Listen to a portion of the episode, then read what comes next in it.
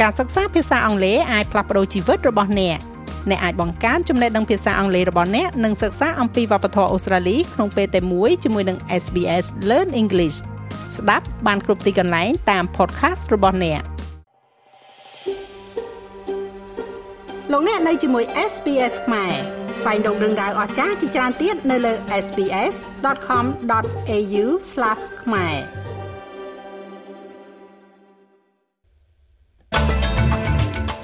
នាយករដ្ឋមន្ត្រីអ៊ីស្រាអែលនិយាយថាប្រទេសរបស់លោកនឹងបន្តធ្វើសង្គ្រាមប្រឆាំងក្រុមហាម៉ាស់បើទោះបីជាចំណាប់ខ្មាំងត្រូវបានបញ្ជូនមកវិញក៏ដោយរដ្ឋមន្ត្រីការបរទេសលោកស្រី Penny Wong និយាយថាអូស្ត្រាលីបដិញ្ញាចិត្តជំរុញទំនាក់ទំនងសេដ្ឋកិច្ចនិងយុទ្ធសាស្ត្រជាមួយប្រទេសឥណ្ឌារដ្ឋាភិបាលអូស្ត្រាលីបានឲ្យដឹងថាក្នុងចំណោមអ្នកជាប់ឃុំអន្តោប្រវេសន៍ដែលត្រូវបានដោះលែងថ្មីៗនេះមានទាំងឃាតករនិងជនល្មើសផ្លូវភេទ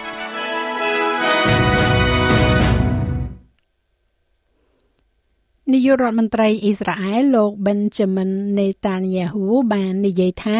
អ៊ីស្រាអែលនឹងបន្តធ្វើសង្គ្រាមប្រឆាំងទៅនឹងក្រុមហាម៉ាស់បើទោះបីជាមានបទផ្អាកឈប់បាញ់ជាបណ្ដោះអាសន្នជាមួយនឹងក្រុមសកម្មប្រយុទ្ធអ៊ីស្លាមនេះក៏ដោយ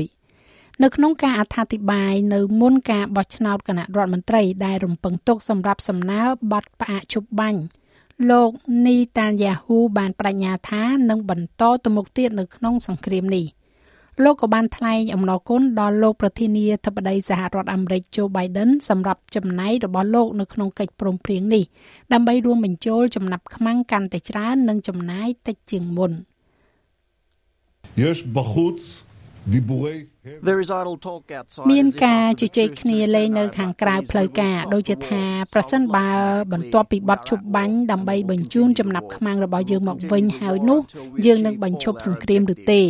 ដូច្នេះខ្ញុំចង់បញ្ជាក់ឲ្យច្បាស់ថាយើងកំពុងធ្វើសង្គ្រាមហើយយើងនឹងបន្តសង្គ្រាម សង្គ្រាមរហូតតតែយើងសម្រេចបាននូវគោលបំណងរបស់យើងទាំងអស់កំចាត់ក្រុមហាម៉ាស់បញ្ជូនអ្នកចាប់ពង្រត់និងអ្នកបាត់ខ្លួនទាំងអស់របស់យើងត្រឡប់មកវិញហើយធានាថានឹងមិនមានធាតុណាមួយនៅក្នុងតំបន់កាហ្សាដែលគំរាមកំហែងដល់អ៊ីស្រាអែលនោះទេគេរំពឹងថាគណៈរដ្ឋមន្ត្រីទទួលបន្ទុកសង្គ្រាមរបស់អ៊ីស្រាអែលនឹងបោះឆ្នោតលើផែនការមួយដែលនឹងបញ្ឈប់ការវាយលុករបស់អ៊ីស្រាអែលនៅតំបន់កាហ្សារយៈពេលជាច្រើនថ្ងៃជាថ្នូរទៅនឹងការដោះលែងចំណាប់ខ្មាំងប្រហែលជា50នាក់ក្នុងចំណោមចំណាប់ខ្មាំង240នាក់ដែលកាន់កាប់ដោយក្រុមហាម៉ាស់ ជាមួយគ្នានេះអភិបាលរដ្ឋ New South Wales លោក Chris Minns បានលើកសរសើរដល់ការងាររបស់ប៉ូលីសរដ្ឋនៅក្នុងការថែរក្សាសន្តិភាពនៅអំឡុងពេលនៃការតវ៉ាគាំទ្រប៉ាឡេស្ទីនជាច្រើននៅទូទាំងរដ្ឋគណៈពេលដែលធ្វើការថ្កោលទោសឧបទ្ទហេតុដែលបានកើតឡើងនៅយប់ថ្ងៃអង្គារនៅ Port Botany អ្នកគាំទ្រប៉ាឡេស្ទីនរាប់រយនាក់មកពីសហជីពអាជីវកម្មមួយចំនួនបានប៉ះទង្គិចគ្នាជាមួយនឹងប៉ូលីសក្នុងអំឡុងពេលប្រឆាំងតវ៉ាទៅនឹងខ្សែដឹកជញ្ជូនរបស់អ៊ីស្រាអែលប៉ូលីសបាននិយាយថាមនុស្ស23នាក់ត្រូវបានចាប់ខ្លួននៅឯការជួបជុំដោយគ្មានការអនុញ្ញាតនេះដែលចោទប្រកាន់ពួកគេពីបទមិនគោរពទៅតាមទិសដៅនិងបង្កការខូចខាតឬក៏ការរំខានដល់កន្លែងដ៏សំខាន់មួយ។ លោក Mins បានពន្យល់ពីរបៀបដែលប៉ូលីសឈានដល់ការចាប់ខ្លួននេះ There's a couple of things that the public do need to understand. Firstly,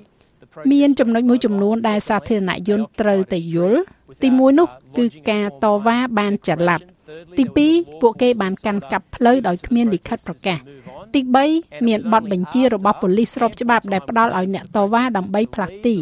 ហើយវាគ្រាន់តែបន្ទាប់ពីពេលវេលាគ្រប់គ្រាន់ត្រូវបានផ្ដល់ឲ្យក្រុមបាតកោឲ្យចាក់ចេញពីផ្លូវនោះហើយអនុញ្ញាតឲ្យពាណិជ្ជកម្មធ្វើប្រតិបត្តិការនៅក្នុងកំពង់ផែដែលមានការចាប់ខ្លួននោះ។ រដ្ឋមន្ត្រីការបរទេសលោកស្រី Penny Wong មានប្រសាសន៍ថារដ្ឋាភិបាលសហព័ន្ធបានបដិញ្ញាចិត្តនៅក្នុងការជំរុញទំនាក់ទំនងសេដ្ឋកិច្ចនិងយុទ្ធសាស្ត្រជាមួយប្រទេសឥណ្ឌាខណៈដែលអ្នកការទូតកម្ពុជារបស់ប្រទេសទាំងពីរនេះបានចែករំលែកការព្រួយបារម្ភអំពីប្រទេសចិនសន្តិសុខក្នុងតំបន់និងសង្គ្រាមអ៊ីស្រាអែលហាម៉ាស់សមាជិកប្រសិទ្ធិលោកស្រីវងបានជួបជាមួយនឹងសមាភិកីឥណ្ឌាគឺលោក Subramaniam Chen Sanka បន្ទាប់ពីអ្នកទាំងពីរបានជួបពិភាក្សាគ្នានៅទីក្រុង New Delhi ជាមួយនឹងរដ្ឋមន្ត្រីការពារជាតិរបស់ប្រទេសទាំងពីរដែលជាផ្នែកនៃកិច្ចសន្ទនា 2+2 ភាគីទាំងពីរបានយល់ស្របថា Indo-Pacific គឺជាអាទិភាពសំខាន់សម្រាប់ប្រទេសទាំងពីរសមាជិកប្រសិទ្ធិលោកស្រីវងនិយាយថាប្រទេសទាំងពីរមានទំនាក់ទំនងដៃគូពាណិជ្ជកម្មដ៏ស្មុគស្មាញជាមួយនឹងប្រទេសចិនដែលពួកគេត្រូវតែបន្តតាមដាន Certainly um we both have very substantive ប៉ុន្តែយើងទាំងពីរមានទំនាក់ទំនងសេដ្ឋកិច្ចយ៉ាងសំខាន់ជាមួយប្រទេសចិនហើយប្រទេសចិនគឺជាប្រទេសដែលយើងនឹងបន្តចូលរួមរបៀបដែលយើងពណ៌នានាដោយដែលអ្នកដឹងហើយយើងនឹងសហការតាមលទ្ធភាពដែលយើងអាចធ្វើទៅបាន និងតាមផ្នែកដែលយើងអាចហើយយើងនឹងមិនយល់ស្របនៅកន្លែងដែលយើងត្រូវជំទាស់ហើយយើងនឹងចូលរួមនៅក្នុងផលប្រយោជន៍ជាតិរបស់យើង។ នៅក្នុងពេលនេះដែររដ្ឋាភិបាលសហព័ន្ធកំពុងតែពិចារណាទៅលើការអនុវត្តវិធានការបន្ថែមទៀងទាត់តាក់ទងទៅនឹងអ្នកដែលត្រូវបានដោះលែងកាលពីពេលថ្មីថ្មីនេះដែលត្រូវបានដោះលែងចេញពីការឃុំឃាំងអន្តោប្រវេសន៍នៅក្នុងចំណោមអ្នកជាប់ឃុំដែលទៅតែត្រូវបានដោះលែងថ្មីថ្មីមានអ ுக ្រិតជនមួយចំនួនដែលរួមទាំងឃាតករនិងអ្នកប្រព្រឹត្តបទល្មើសផ្លូវភេទផងដែរ។ វាកើតឡើងបន្ទាប់ពីការសម្រេចចិត្តរបស់តុលាការកំពូលដែលបានរកឃើញថាការឃុំខ្លួនជនអន្តោប្រវេសន៍ដោយគ្មានកំណត់គឺខុសច្បាប់សេចក្តីសម្រេចនេះបានជំរុញឲ្យរដ្ឋាភិបាលសហព័ន្ធធ្វើវិសោធនកម្មច្បាប់អន្តោប្រវេសន៍ដែលនឹងដាក់កំហិតធ្ងន់ធ្ងរទៅលើអតីតអ្នកជាប់ឃុំដោយជាការត្រួតពិនិត្យការបំលាស់ទីរបស់ពួកគេ តាមរយៈខ្សែពាក់នៅនឹងកជើងទោះបីជាយ៉ាងណាក៏ដោយរដ្ឋមន្ត្រីក្រសួងមហាផ្ទៃលោកស្រី Claire O'Neil បានប្រាប់ ទូរទស្សន៍ប៉ុស្តិ៍លេខ7ថារដ្ឋាភិបាលកំពុងតែពិនិត្យមើលលើគ្រប់ផ្លូវដែលអាចធ្វើទៅបាន ដើម្បីរក្សាក្រុមនេះឲ្យស្ថិតក្រោមការឃ្លាំមើលយ៉ាងដិតដល់ If it were up to me, they would all still be in detention today. ប្រសិនបើវាអាស្រ័យទៅលើខ្ញុំនោះអ្នកទាំងអស់នោះនឹងនៅជាប់ឃុំឃាំងនៅឡើយទេនៅថ្ងៃនេះប៉ុន្តែយើងមានសេចក្តីសម្រេចរបស់តុលាការជាន់ខ្ពស់ប្រាប់យើងថារដ្ឋាភិបាលអូស្ត្រាលីត្រូវតែដោះលែងមនុស្សទាំងនេះឥឡូវនេះការងារសម្រាប់ខ្ញុំគឺត្រូវអនុវត្តតាមសេចក្តីសម្រេចរបស់តុលាការជាន់ខ្ពស់ហើយធ្វើតាមនៅក្នុងរបៀបមួយ ដែលការពារសវត្ថិភាពរបស់សហគមន៍អូស្ត្រាលីនៅគ្រប់ជំហាននៃវិថីនេះ។ រដ្ឋមន្ត្រីការបរទេសលោកស្រី Penny Wong បានរំលឹកឡើងវិញពីជំហររបស់រដ្ឋាភិបាលដែលថានាវាចម្បាំងចិនបានចូលរួមនៅក្នុងកិច្ចសហប្រតិបត្តិការដែលមិនមានសវត្ថភាពនិងគ្មានវិជ្ជាជីវៈជាមួយនឹងកងនាវាជើងទឹករបស់អូស្ត្រាលីរដ្ឋាភិបាលសហព័ន្ធនិយាយថាអ្នកមុជទឹកជាច្រើនអ្នកមកពីនាវា HMAS Toowoomba បាននៅក្នុងទឹកនៅឆ្នេរសមុទ្រប្រទេសជប៉ុនកាលពីថ្ងៃអង្គារសប្តាហ៍មុន នៅពេលដែលនាវាពិឃាតរបស់ចិនបានបាញ់បង្ហោះរលករលកសូណាក្រុមអ្នកមុជទឹកបានរងរបួសត្រចៀកបន្តិចបន្តួចបើទោះបីជាកប៉ាល់របស់អូស្ត្រាលីបានព្រមានអ្នកផ្សេងទៀតថាពួកគេបានស្ថិតនៅក្នុងតំបន់នោះក៏ដោយសមាជិកប្រសិទ្ធិលោកស្រីវងបាននិយាយថាសុខុមាលភាពរបស់បុគ្គលិកកងកម្លាំងការពារជាតិអូស្ត្រាលីគឺជាអាទិភាពខ្ពស់បំផុតរបស់ខ្លួន។ រលកថ្មីនៃករណី COVID-19 កំពុងតែវាយលុកប្រទេសអូស្ត្រាលីខណៈដែលអ្នកជំនាញបានព្រមានប្រជាជនឲ្យរក្សាការប្រុងប្រយ័ត្ននិងបន្តធ្វើបច្ចុប្បន្នភាពជាមួយនឹងការចាក់វ៉ាក់សាំងរបស់ពួកគេខណៈដែលថ្ងៃឈប់សម្រាកចុងឆ្នាំកាន់តែខិតជិតមកដល់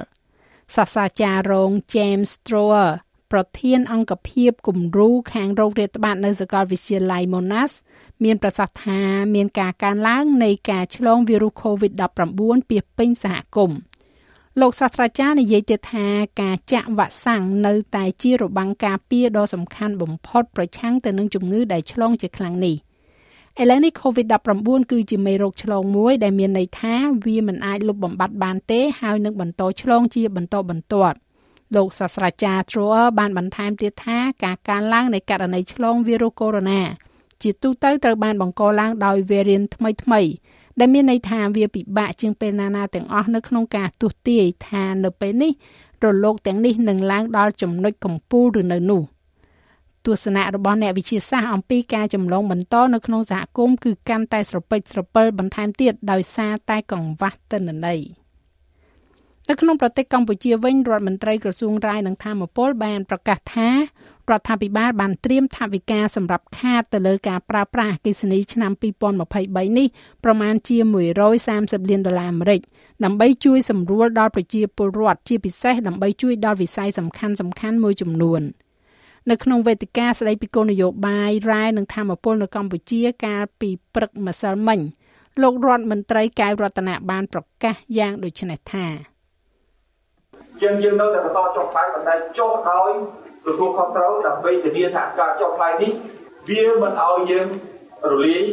ហើយអស់ភ្លើងនៅខែថៃចាលោកមេងផល្លានឹងជួនសេចក្តីរាយការណ៍លម្អិតនៅវគ្គក្រោយជាបន្តទៀតឬក៏លោកអ្នកអាចចូលស្ដាប់របាយការណ៍ពេញលើគេហទំព័រ sbs.com.au/ ខ្មែរ ប្រធានគណៈកម្មាធិការអូឡ িম ពិកអន្តរជាតិ IOC លោក Thomas Bach កំពុងតែតាមដានយ៉ាងដិតដល់ទៅលើចំនួនអ៊ីស្រាអែលនិងក្រុមហាម៉ាស់នៅមុនការប្រកួតកីឡាអូឡ িম ពិកនៅទីក្រុងប៉ារីសនៅឆ្នាំក្រោយ។ការវាយឆ្មក់របស់ក្រុមហាម៉ាស់កាលពីថ្ងៃទី7ខែតុលាបានជំរុញឲ្យអ៊ីស្រាអែលវាយលុកតំបន់ហ្គាហ្សាជាមួយនឹងគោលបំណងជាក់លាក់នៃការបំផ្លាញក្រុមនេះដែលបានគ្រប់គ្រងនៅទីនោះចាប់តាំងពីឆ្នាំ2007មក។ ថ្លែងនៅទីក្រុងញូវយ៉កបន្ទាប់ពីអង្គការសហប្រជាជាតិបានបោះឆ្នោតអនុម័តបទឈប់បាញ់អូលីំពិក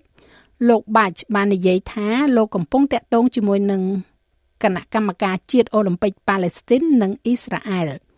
លោកបាច់មានប្រសាសន៍ថា IOC ក៏កំពុងឃ្លាំមើលយ៉ាងដិតដល់ចំពោះផលប៉ះពាល់ជាសក្តានុពល ដែលចំនួននេះអាចកើតមានទៅលើព្រឹត្តិការណ៍នៅប៉ារីសឆ្នាំ2024តាក់ទងទៅនឹងការផ្លាស់ប្តូរទីតាំងដែលអាចកើតមានឬក៏ការពន្យាពេលនៃព្រឹត្តិការណ៍នេះសម្រាប់ហេតុផលសន្តិសុខ We are monitoring uh, closely the potential impact យើងកំពុងតាមដានយ៉ាងដិតដល់នៅផលប៉ះពាល់ដែលអាចកើតមាននៃចំនួននេះសង្គ្រាមនេះអាចមានតកតងទៅនឹងការផ្លាស់ប្ដូរទីតាំងនៃព្រឹត្តិការណ៍ឬក៏ការពន្យាពេលព្រឹត្តិការណ៍កីឡានានាសម្រាប់ហេតុផលសុវត្ថិភាពចំណែកឯអត្រាប្តូរប្រាក់វិញ1ដុល្លារអូស្ត្រាលីមានតម្លៃប្រមាណជា65សេនកន្លះត្រូវ ដុល្លារអាមេរិកត្រូវនឹង2700រៀលប្រាក់រៀលខ្មែរ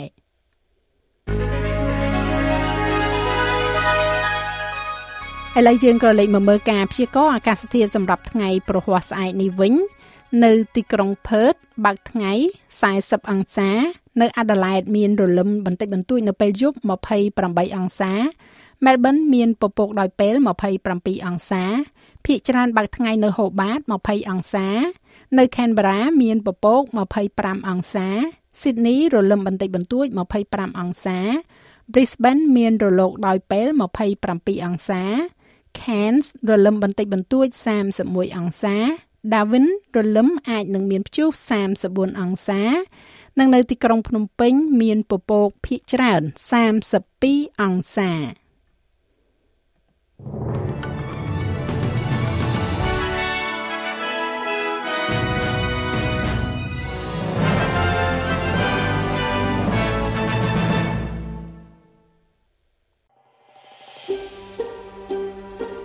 ចង់ស្ដាប់រឿងរ៉ាវបែបនេះបន្ថែមទៀតទេ